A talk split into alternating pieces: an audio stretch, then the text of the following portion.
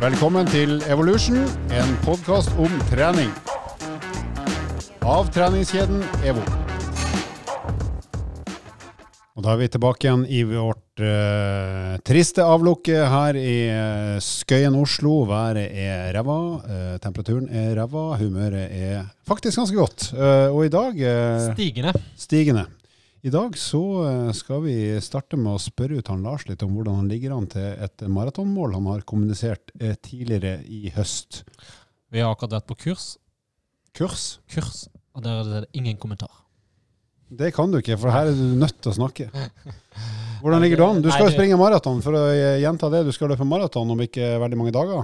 På. Jessheim. Takk for at du sier det, for det er nesten fortrengt og glemt. Skal du springe 400-metersrunder, eller skal du springe en lengre løype? Nei, nå er det faktisk en løype på 10,19, og så er det noe eh, inne på stadion. Da blir det vel Hvor kommer vi da? Du som er god i hoderegning, Andreas. Det blir 250 meter inne, blir det ikke det? For du kommer inn i Ja, eh, svingen. Det er faktisk du- gjort om litt, så de har, de, vi starter på stadion. Så jeg lurer på om vi starter med da 590 meter inne, kan det stemme? Og så ut. Eller 560, ja. Det spiller ingen rolle. Vi starter på stadion. Du har trent på de 560 meterne? Ja, Så de langt? skal, jeg- skal jeg vinne. Ja. Jeg skal få komme i mål. Du, målet er jo under 3,30, um, så Hvis du må sette penger på det nå, hva tenker du at du ender opp på? Eller, ja, kommer, du, kommer du over eller under 330? eh, under. Ja, hvis Ja. det, hvis uh, værmeldinga slår til, som han sier nå, så skal jeg klare å komme meg unna. For det er meldt 3-4 pluss. Ja. Og, og li, oppholdsvær. lite vind og oppholdsvær. Ja. Så da blir det shorts. Ikke split som Andreas kjører, men jeg kjører en tights shorts. Og hvordan har du trent fram til nå for å være helt sikker på at du kommer i mål eh, under 330?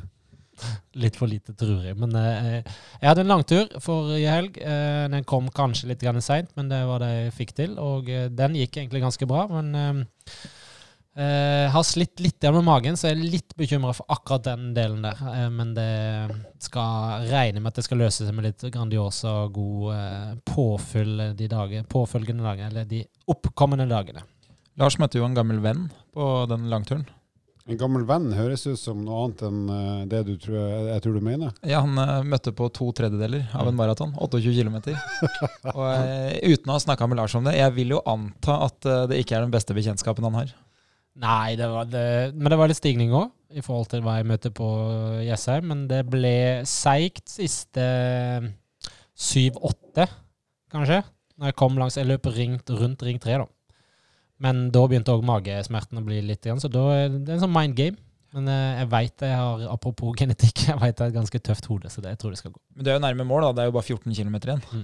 Pytt, pytt, pytt. Takk for det. Da er det fort bare to timer det, hvis du er kokt. Er, jeg synes det er Raske ganger. gange. Ja, ja, men du har gjort, eh, du har gjort minimumsinnsatsen som trengs. Da jeg pleier å si at hvis du skal komme deg til mål, hvis det er det som er eh, på en måte det du ønsker, så, så må du nesten ha løpt to tredjedeler. For da, da, hvis du bare med sånn helt vanlig utvikling, så vil du trolig komme til 34-35 eh, i samme fart uten å være helt ødelagt.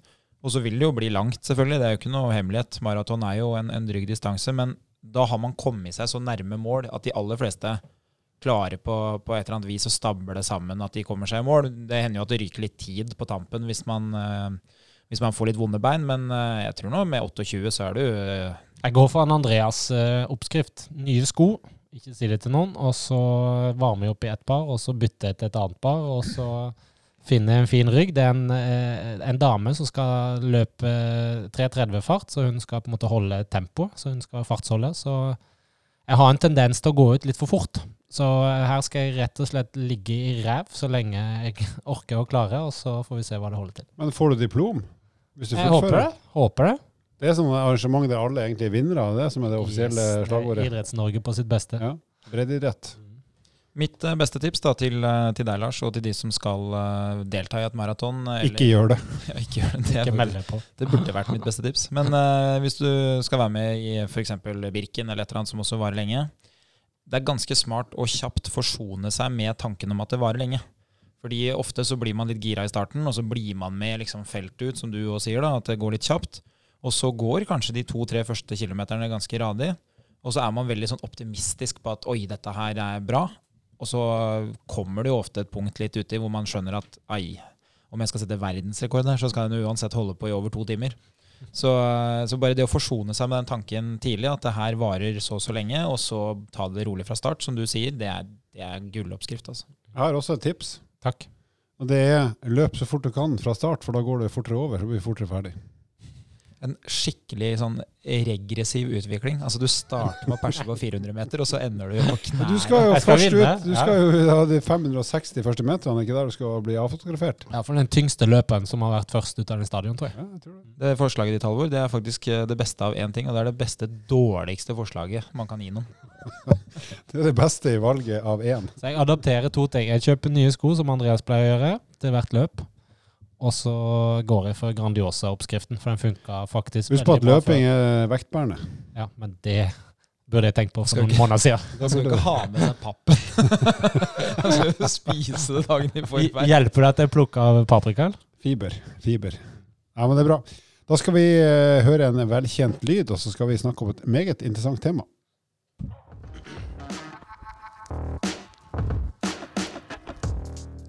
Det vi skal snakke om i dag, er et prosjekt som vi har foreløpig døpt til Kom i form, og handler i korte trekk om at uh, vi har fått en frivillig, meget kul dame som heter Trude, til å bli med på et forsøk der vi skal prøve å få henne i best mulig form.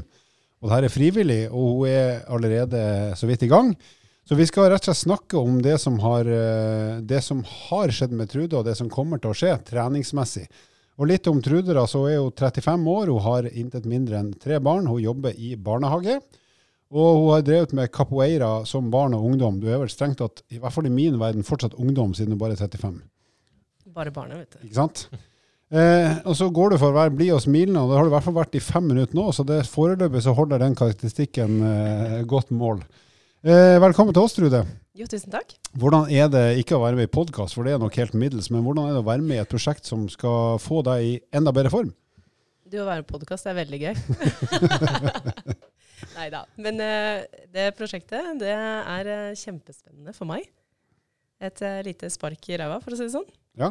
Så jeg er, jeg er hva heter det, positivt innstilt. Ja, Dette skal gi deg lysten til å være med på maraton. Ja. ja ikke sant? Å nei, uff. Ja, for du satt og rista litt på hodet når vi snakka om at Ja. Lars skulle jogge rundt på Jessheim til helga i sånn eh, fem blankfart-aktig. Og det Foreløpig er ikke det som ligger liksom deg nærmest, å hive deg med på det. Nei. Og det er jeg for så vidt helt enig med deg i. Sykling derimot, en sju-åtte Ja. timer, det hadde du blitt med på. Det er jo dritkult. Andreas, kan ikke du si litt om eh, i korte trekk hva prosjektet går ut på? Jo, jeg tror jeg er bedre til å uttale meg om det enn uh, lysten til å løpe maraton på søndag.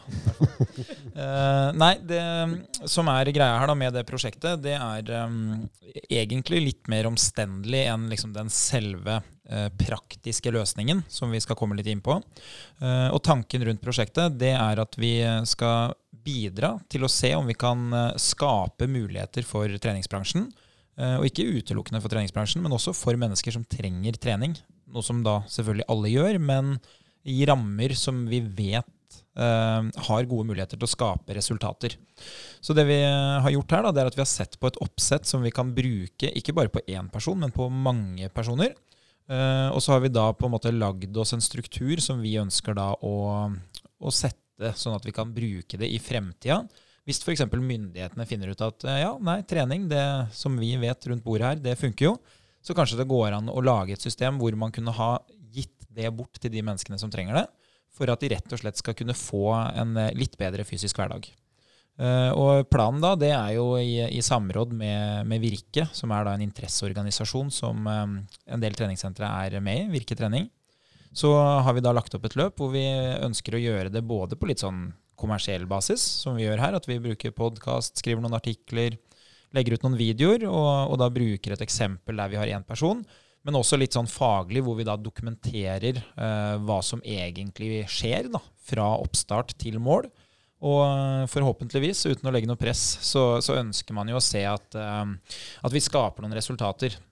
Ikke noe press, Trude. Ikke noe press. Ikke Nei, noe jeg press. føler ingenting. Eh, Det som er viktig for meg å si, da, som, som også selv har jobba som PT i mange år, det er jo at resultatene som de aller fleste tenker på, er alltid vektreduksjon. Men det er jo ikke de helsemessige resultatene vi er på jakt etter. For meg er det jo like viktig at man blir sterkere, at man kanskje får litt bedre kondisjon, eller at man rett og slett føler sjøl at man har blitt i bedre form. Og det er jo de tingene som, som er avgjørende for eh, ja, type markører som sykefravær, som er jo da et av de punktene vi ønsker å se på her. Eh, og så generelt velbehag. Sånn at det er lett å tenke liksom på at man jobber seg aktivt inn mot ett mål, men i utgangspunktet så er det veldig mange kriterier vi ønsker å se på. Og hvis vi kan prege noen av de eh, faktorene, så er vi egentlig veldig godt fornøyd. Og så er jo begrepet folkehelse, om man skal bruke det, er jo et veldig vidt begrep. Um, Så innunder her så har vi lyst til å belyse hvilken faglig kunnskap, kompetanse som sitter i bransjen. Eh, Ikke bare i EVO, men i hele bransjen. Det tverrfaglige arbeidet og tverrfaglig samarbeidet som kan eh, brukes og bør brukes på, på um, mange ulike typer caser. Så i denne eh, prosjektet her med Trude, eller Trudis som uh, Halvor har døpt deg så, det er slett ikke jeg. Du døpte deg Trude Lutt, for det blir Trude Lutt. Ja. Men det er så dårlig at jeg tør ikke si det på podkasten, så det må vi stryke. Beklager det. Så, så, så har vi engasjert en osteopat som en, en kliniker, uh, og så har vi engasjert en klinisk ernæringsfysiolog, som vi også skal møte senere eh, i en episode, og eh, meg sjøl i forhold til det treningsfaglige alibiet, altså treneren, personlige treneren. Du er slalåmtreneren til Trude. Yes. Så vi løper mellom apparatene. Men eh, det fins ekstremt mange dyktige folk i bransjen, og, eh, og de bør brukes, og ikke minst belyse hvilken kunnskap og kompetanse de sitter på. Nå skal vi straks gå inn på hva dere allerede har gjort, men først, Trude, kan ikke du beskrive litt uh, din opplevelse av egen form og eget energinivå i forkant av at du ble med på det her? Jo, jeg tenkte at jeg ikke var så elendig form. Men eh, jeg merket jo at jeg hadde litt sånn vondter her og der, ikke sant, i ledd. Og det, var, det å reise seg opp fra gulvet, f.eks., ble litt sånn åh, opp, ja, opplevelse. Og ja. Du jobber jo i barnehage, som jo er en relativt fysisk jobb, med eh, både mye opp og ned og frem og tilbake, tipper jeg. Er det ikke det? jo da, det kan, det kan være slitsomme dager der òg, altså. Absolutt. Så du har kommet til et punkt der du tenker at eh, du er jo ikke i veldig dårlig form, det må jeg jo si, men du har lyst til å gjøre noe for å komme i bedre form. Ja, absolutt. Hva er det du håper på for egen del å oppleve underveis i de ukene du skal holde på? Nei, jeg eh, ønsker jo å oppleve å få å ha overskuddet, mer energi i hverdagen. Og eh, orke å trene Nei, jobbe. Og så selvfølgelig ha altså energien til å være på jobb en hel dag og komme hjem til tre barn og mann. Og ha energi til dem også. Kan du sette noen ord på hvilke forventninger da du hadde eh, før vi møttes og før vi satte i gang? For vi starta jo hos eh, Ida, som er osteopat eh, i LB helse, og hos Frida deretter, som er, Frida Rommen, som er ernæringsfysiolog. Si litt om forventningene i forkant. Hva, trodde du møtte du, før du møtte dem? Eh, nei, jeg var jo selvfølgelig litt nervøs. Jeg har jo ikke vært hos en klinisk ernæringsfysiolog før. Så jeg eh, var jo litt spent på hva jeg ville møte. Men eh, Frida er jo supersøt og kjempeflink til å forklare og gjøre ting enkelt. Og eh, møtte med altså, ikke noe, ikke noe dømmende kommentar, eller altså, ikke noe nedlatende, kan du si, da, med tanke på eh, kosten min, åssen den var. Mm.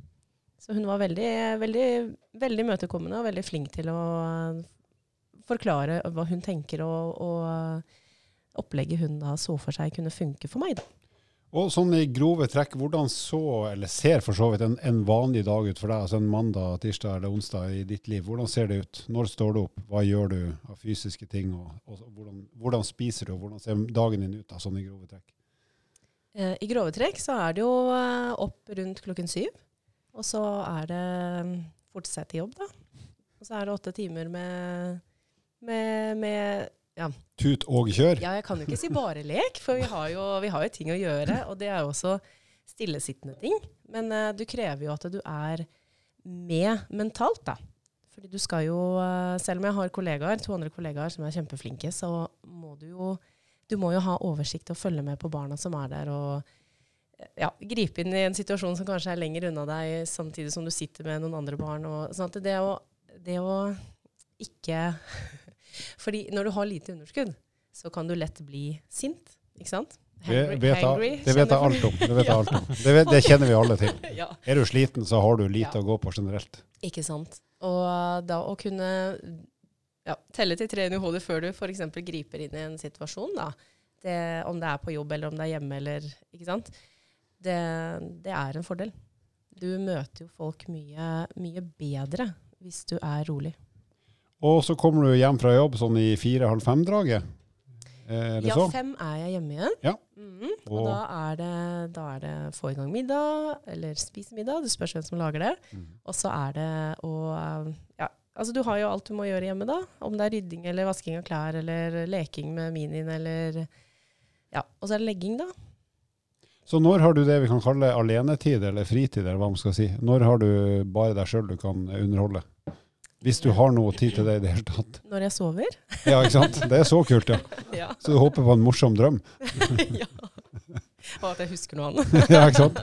Så ditt liv er egentlig pakka med gjøremål som handler om jobb og familie i grove trekk, stort sett hele tida.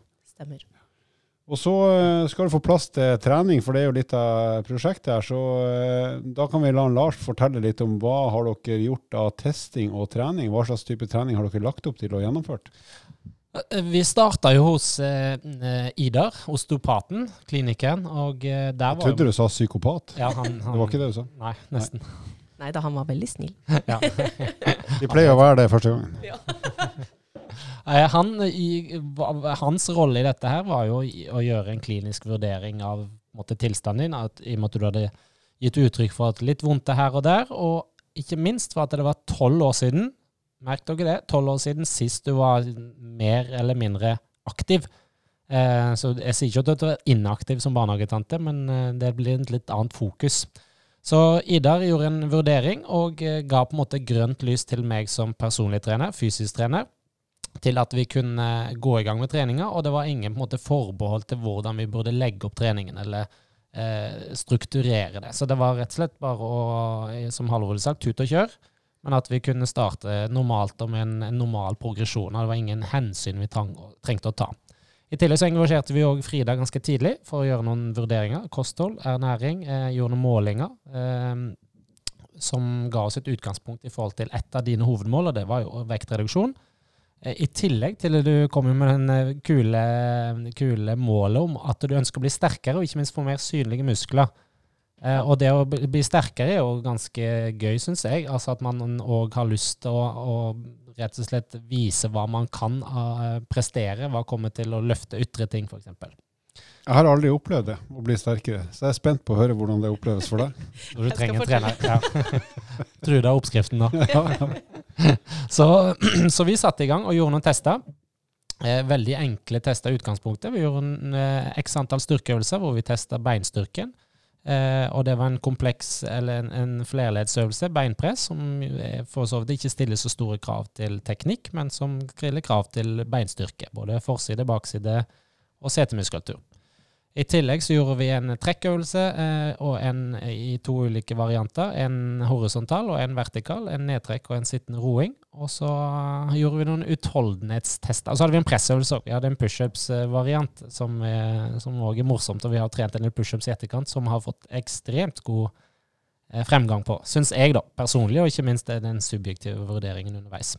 Og så hadde vi en eh, utholdenhetstest som heter Cooper, som sikkert mange husker tilbake til eh, ungdom- og videregående-tida, ungdomsskolen. Og det er en standardisert enkelttest som går på løp så langt du klarer på tolv minutter. Kan vi spørre hvor langt du kom? Ja. Du må ikke svare, men hvis Nei da, du vi, vil. Vi er åpne her, vi, òg. Ja, ja, ja. ja du du? kan jo si litt om eh, hvilke erfaringer eller hvilke opplevelser du hadde på, på spesielt den Cooper-testen. da. Hvis vi begynner her. Ja, den første var jo helt grusom. Med en gang, eller ble det grusomt etter noen minutter? Når Nei, ble det fælt? Nå skal det inn eh, Altså nå skal det sies at eh, den dagen hadde vært litt dårlig matmessig. Og, da, og det merket jeg jo på, pre- prestasjonen. Mm. Så det var veldig tungt å ha Altså holde energien oppe når du ikke hadde noe energi å hente. Mm. Eh, men jeg kom meg gjennom det. Ja. Til de grader, eh, i utgangspunktet. Altså, vi gjør den da på en tredemølle. Det vil si, mm. Den standardiserte testen blir gjort på en bane hvor man da har en 400-metersbane, eller en normal standardlengde på en friidrettsbane, og løper rundt og rundt og rundt, sånn i utgangspunktet. Eh, men her handler det jo bare om å løpe lengst mulig, så vi løp flatt på tredemølla, og du styrte egentlig farten sjøl. Vi hadde jo en god oppvarming og gjorde noen stigningsløp, så vi på en måte kom litt opp i intensitet, og ikke minst gjorde oss en, en sånn subjektiv vurdering hvilken fart vi ville starte på. Så var det jo opp til deg sjøl å styre den opp og ned.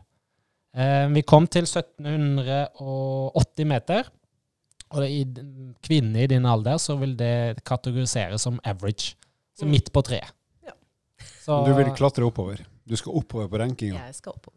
Og det jeg kan si, er jo at progresjonen på disse ukene vi har trent nå, har jo vært enormt. Der du syns det da var litt kall det ubehagelig, for jeg har brukt òg en subjektiv vurdering på opplevelsen, på, altså anstrengt opplevelse, som heter Borg skala. Og der har du kategorisert noen av de eh, hva skal jeg si, eh, øvelsene og øktene vi har hatt, så har vi vært opp mot det, som, det tallet som sier 17, og det er i kategorien veldig anstrengende på den skalaen. At Bjørn Borg-skala, eller?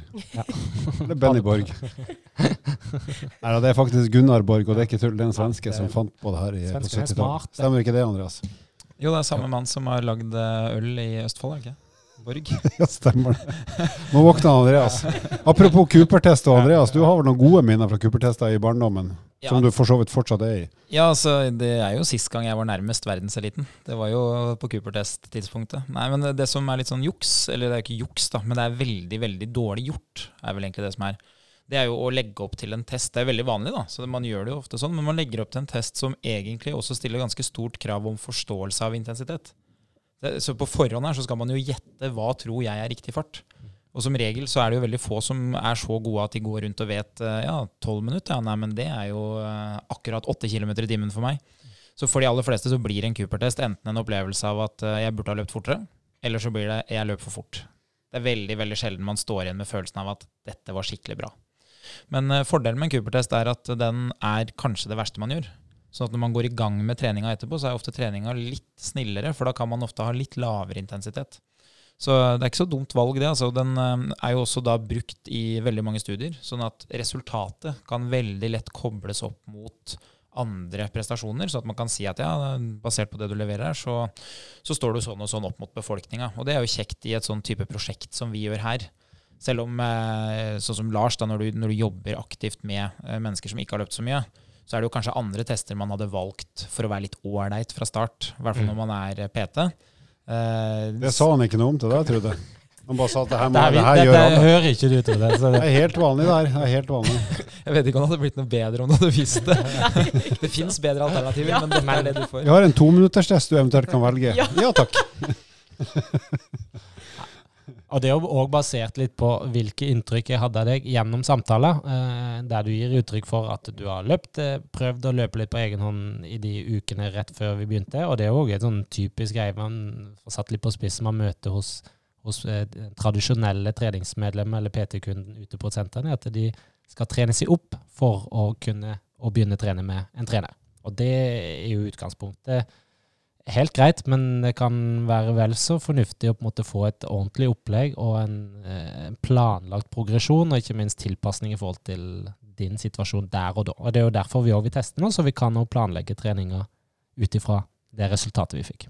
Så vil jeg jo bare si da at eh, det å løpe Hvor langt var det? 1700 meter? 1780. 1780 meter, da, da har du ganske god fart. Altså du har en eh, Hvis det ikke er veldig dårlig matte her, så vil jeg tippe at du har 8,7 km i timen. Ja, vi begynte på 8,5 og endte på 9. Ja, Mm. Ikke sant? For litt sånn enkelt i matte her, måtte jeg gange med fem og så dele på to. Syns så du var vi- veldig flink, altså. ja, Det skal sies at nå har vi klippa bort 20 minutter med fomling med kalkulatoren som lytteren ikke Ja. hører. det er kult, ja. Men eh, sånn eh, basert på eh, hva jeg har erfart selv, da, som har trent veldig veldig mange helt vanlige mennesker, så det er en ganske god oppstart. For veldig mange er nødt til å begynne å gå. Altså Vi må sette i system kanskje fire-fire minutter, eller at vi har fem-fire minutter, og så må vi gå en god del av de første. Så Sånn sett så, så har man et godt utgangspunkt for å bli raskt i bedre form, når man kan løpe allerede den første gangen man eh, møter opp. Også. Ja, det, er, det er et godt poeng at du er allerede i så god form at du kan trene med det vi kan si kvalitet. Men har dere allerede nå gjort en ny Cooper-test, eller? Eller eh, har dere en feeling med hvordan det går? Nei, vi har ikke gjort en retest eller en test eh, underveis. Vi kjører den mot slutten. Eller når vi nærmer oss slutten av dette prosjektet, nærmere jul. Eh, men vi gjør noen indikasjoner underveis, og som jeg kan sammenligne med ut ifra min erfaringsbaserte kunnskap, eh, men òg eh, hvilke resultat man har i den standardiserte testen her. Og der er jo det gode poenget til Andreas at vi har veldig mye å sammenligne med. Så de øktene vi gjør nå, er av en helt annen skala enn jeg egentlig, skal være helt ærlig, så for meg. Så progresjonen så langt har vært ganske god. Det er, jo, det er jo det morsomste med treninga, syns jeg. da, Det er når man ser at det går videre. Det som er litt vanskelig, da, det er jo at PT-en blir ofte veldig opptatt av utviklinga. For det er jo, det jo PT-en som har ansvaret for at det skal bli bedre. Uh, og så må man jo da prøve å informere om at det du gjør i dag, er egentlig veldig mye bedre enn det du gjorde. Uh, og til de som da lytter på, og som tenker at ja, kanskje jeg skal teste en sånn type uh, Cooper-test sjøl, tolv minutter, så det vil jeg jo anbefale. Det er en veldig fin måte å teste formen på. Men det jeg også vil si, er at det er mye, mye lettere å øke varigheten enn å øke eh, belastninga. Og det betyr da at hvis du i dag klarer 12 minutter, så vil du nesten garantert kunne løpe 13 eller 14 minutter neste gang. Men det man ofte gjør på en Cooper-test, da, fordi at man bare har de 12 minuttene, så skal man opp i fart. Og det betyr at da blir det egentlig like ille hver eneste gang. Sånn at om, om, det er da du, Trude, som løper Cooper-test, eller om det er meg, så syns vi begge det er like pyton. Men det vi ser, da, det er jo at uh, i ditt tilfelle så kan du jo da bruke det som et godt innsteg til å ha litt lengre løpeturer på sikt. Så for de som tester det, og som har lyst til å gjøre det på egen hånd, prøv 12 minutter, og istedenfor å begynne å løpe fortere og fortere hver gang, så bare prøv neste gang å se om du kan passere 12 minutter på den samme distansen, og så fortsette litt til. Det vil ofte være en litt triveligere måte å gå videre. Og plutselig så er du med på maratonløp på Jessheim i 2022. Du kan jo si litt om hva vi har gjort de siste øktene. Hvis du kan sette noen ord på opplevelsen av eh, det du har opplevd i hverdagen, men òg eh, på de øktene hvor vi har hatt fokus på intervall, f.eks. løp. Ja, tenker du på energinivået da, eller? Ja. Og hvordan det har vært å trene. Har det vært slitsomt, motiverende? Altså alt mulig opp og ned? Det er veldig motiverende. Eh, det er sånn at jeg har lyst til å dra på trening. Eh, han, men jeg ville si at Lars har vært veldig snill, da. Vi har jo gått, eh, som han sier, vi skal skynde, skynde oss sakte. Skynde oss langsomt. Skynde oss langsomt. Så vi, han, jeg er ikke død etter hver time, og det er jo veldig greit. Men du har jo et ganske travelt liv, så når er du egentlig får tid til å trene? Du, nå har jeg sagt at nå skal mor ha tid til seg selv. Ja, ikke sant? Så du har tatt den tida du egentlig ikke har. Den ja, har du tatt. Ja. Den har jeg tatt. For den har jeg ikke Jeg har ikke tatt den de siste årene, altså tolv årene. Og så, og så, hvor mange ganger i uka trener du nå, og så, på hvilket tidspunkt er det du normalt trener? Dette er jo ettermiddager. Etter jobb. Eh, noen ganger så får jeg kastet i meg middag, andre ganger er det i bilen. Mm. Eh, så ja, ettermiddager er det. Mm. Og hvor ofte trener dere nå? Tre ganger i uken. Mm. Så vi har hatt eh, noen kvelder, og så har vi hatt eh, noen to lørdager, har vi ikke? Mm. Ja, vi, der vi har trent på formiddagen. Og det som er viktig her, eh, som, som kan være et take home message, er jo å lage avtaler. For her har jo vi en avtale eh, med hverandre. At du møter opp til et tidspunkt, og så er det en treningsøkt. Eh, og det er jo det som kan være for lytterne der ute som sliter med å ta det steget som du har for så vidt har gjort de siste tolv årene. For det er jo ikke det at du ikke har hatt lyst til å trene. Så godt begynner jeg å kjenne deg. Men det handler jo noe om å ha den avtalen og gå til. Om det er en venninne, eller om det er en trener, eller om det er en gruppetreningsøkt som man har meldt seg på. eller det, psykopat. Eller, ja. så, så, så, er det jo derfor mange det, Nå kommer jeg helt ut av det, men, men det, det, er kanskje det som kan være årsaken til at folk kommer seg på trening, rett og slett. Ja, Men det å ha en avtale, det, det hjelper. Det som, eh, det som, jeg har observert da, hos en god del PT-kunder eh, opp gjennom åra, er jo at eh, de aller aller fleste de vet hvorfor de skal trene. Det er veldig få mennesker som går rundt Jeg, jeg har møtt de, og det er jo ganske spennende. altså De som vil diskutere hvorvidt det er smart å trene eller ikke. Men det er heldigvis en veldig veldig liten gruppe. Så de aller fleste vet jo hvorfor de skal trene, men det som ofte kan være litt vanskelig, er da hvordan. At Mange har også tida til det, men de vet kanskje ikke nok om hva er det jeg skal gjøre når jeg skal på trening som gjør det litt vanskelig og litt ubehagelig. Altså Man havner ofte i situasjoner hvor man rett og slett føler seg litt dum. Altså jeg, jeg vet ikke hva jeg skal gjøre her, og så avstår man fra det. Og så kan det også være litt vanskelig å finne tid. Uh, og det man opplever der, det er jo at med det man vet akkurat nå, så fins det ikke tid. Og så hvis man da på en måte ikke tillater det å være valgfritt, men sier at ok, i mitt liv en gang i løpet av uka så må jeg trene én gang. Det, fra neste uke så må det skje. Det, det er tvang. Hvis man da finner det ene tidspunktet, så ser man ofte at når man har gjort det i noen uker, så begynner det plutselig å bli sånn at ja, men det tidspunktet passer jo. Og, og sånn kan det ofte oppleves, og det er jo fordi at vi har liksom den subjektive opplevelsen. altså Det er jo hvordan vi opplever det, og det er jo ikke alltid at den er helt reell. Så du ser jo nå når du plutselig, nå har du jo pakka inn ganske mange økter her, da, så det er klart at da begynner du å spise mye av timeplanen. Men de aller fleste finner seg jo kanskje ett tidspunkt i løpet av uka, hvis det er da i helga f.eks., eller at det er eh, at man er nødt til å bruke lunsjen på jobb én dag, hvor man bare tvinger gjennom at ok, nå er det 25 minutter hvor jeg skal trene. Man ser ofte at de som gjør det på den måten, de lykkes ofte i stor grad. For da blir det varig. Mens hvis man tenker at uh, neste uke så skal jeg ta det på gefühlen, og uka etter der skal jeg ta det litt når det passer meg, så blir det ofte ganske mye mindre trening totalt sett. Så uh, det er nok ganske smart å bare liksom si at i mitt liv så er det ikke valgfritt, det er tvang.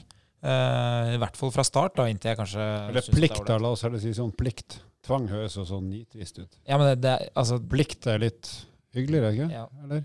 Men er det, Rettighet.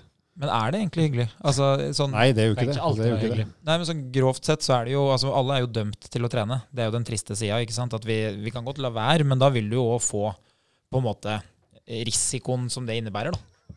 Mitt resultat. Nei, Men vi har jo hatt det gøy på trening òg. Det har vi. Altså det, det, det stikker om at du alltid blir og smilende, det, det er jo eh, av en grunn at det er nevnt, for å si det sånn. Og det, jeg, har jo, jeg sliter ikke med å smile på trening, jeg heller. Selv om jeg er den, holde eh, jeg er den eh, psykopaten som Halvor refererer til. Den store fordelen er jo at vi, vi har heldigvis et liv som er sånn at det er best å avstå fra trening i starten.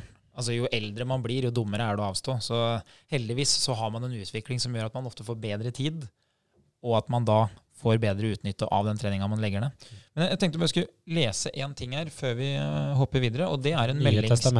Ja, det er en melding jeg sendte 24.9. Jeg skal bare se om den stemmer. For da sendte jeg en melding til deg, Trude.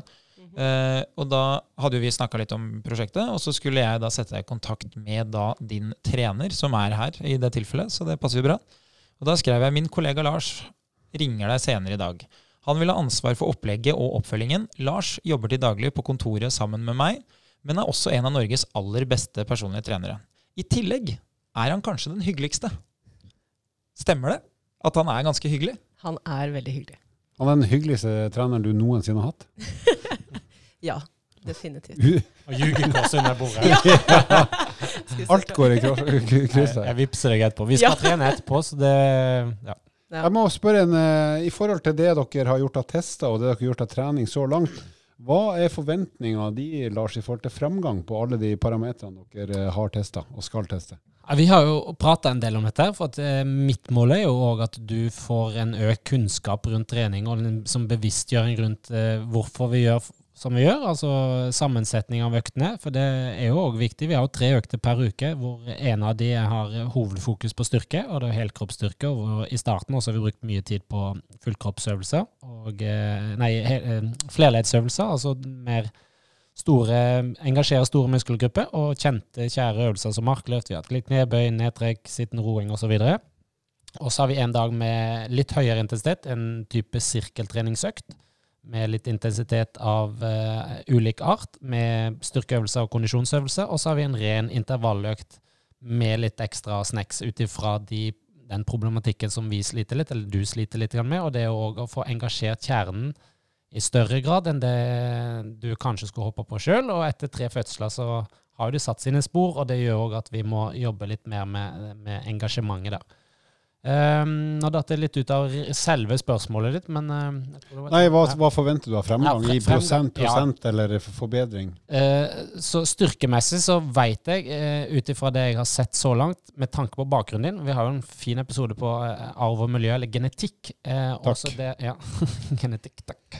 Og din bakgrunn fra både Taktikk, turen taktikk. og, og capoeira gjør at du har et, et veldig fint grunnlag og et utgangspunkt for å lære å adaptere øvelser, og lære øvelser teknisk riktig veldig lett. Og det gjør at vi kan øke belastninga vi slipper å bruke så mye tid på å øve riktig teknikk.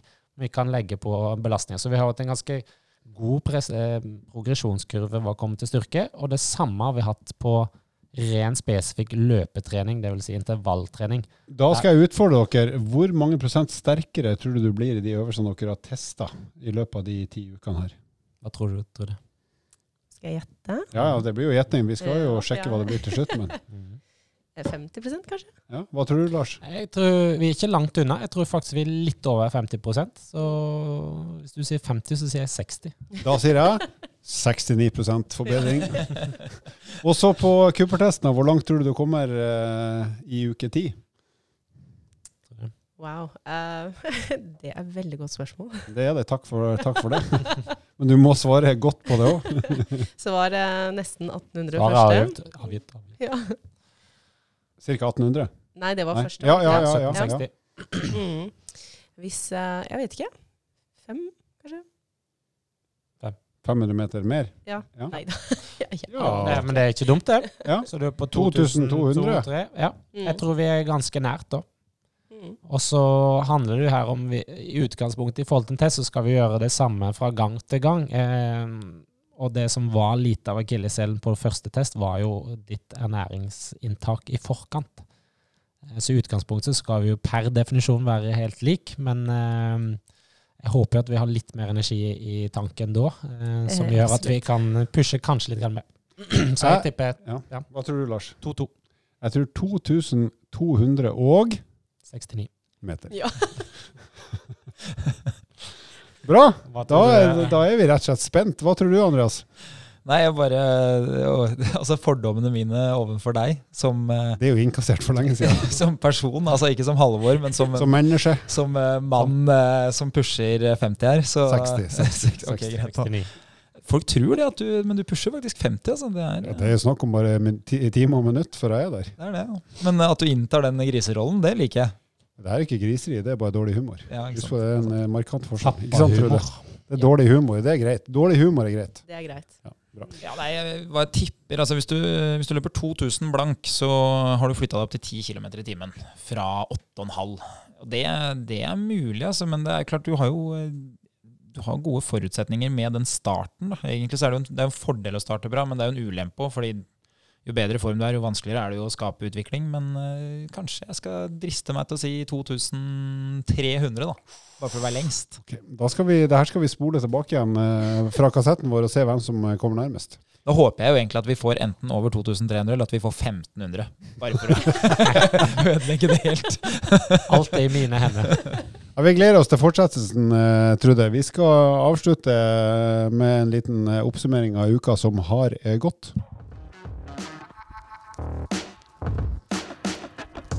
Og som etter hvert normalt, så vil en eller flere av oss eh, si noen ord om hva vi har bitt oss merke i siste uka. Så jeg kan faktisk hive meg på først der sjøl, i og med at revidert eh, nasjonalbudsjett akkurat er lagt frem av ny regjering. Da har jeg registrert at han Vedum skal ha klaska til med å ha redusert strømregninga vår med hele 10 øre per kilowattime. Som utgjør pluss-minus ingenting for alle i Norge, og det koster staten 3 milliarder kroner. For noe sprøyt, Trygve. Det her holder ikke. Uansett om du får stemmen eller ikke, så må du komme med noe bedre enn det her når du har tre uker på deg til å slå hardt. Det, det her var tynn suppe. Og så blir du skattebelagt ganske mye mer. Ja. Så det, det her var rett og slett litt skuffende, det må jeg si. Er det noen andre som har noe de har fått med seg eh, som Ja, er verdt å melde? Siste ordet.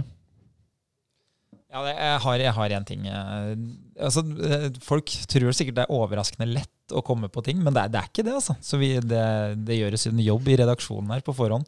Uh, men i dag så er det liten tvil. Uh, for meg som har uh, ganske lang fartstid som personlig trener, jeg har faktisk passert ti år.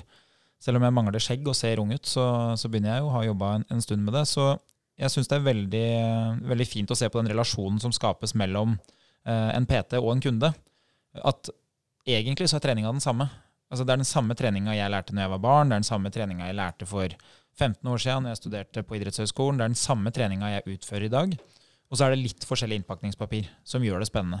Og, og det å, å skape den PT- og kunderelasjonen som, eh, som dere har skapt, da, den viser jo bare at hvordan man opplever det, er en ganske viktig del av det å gjennomføre.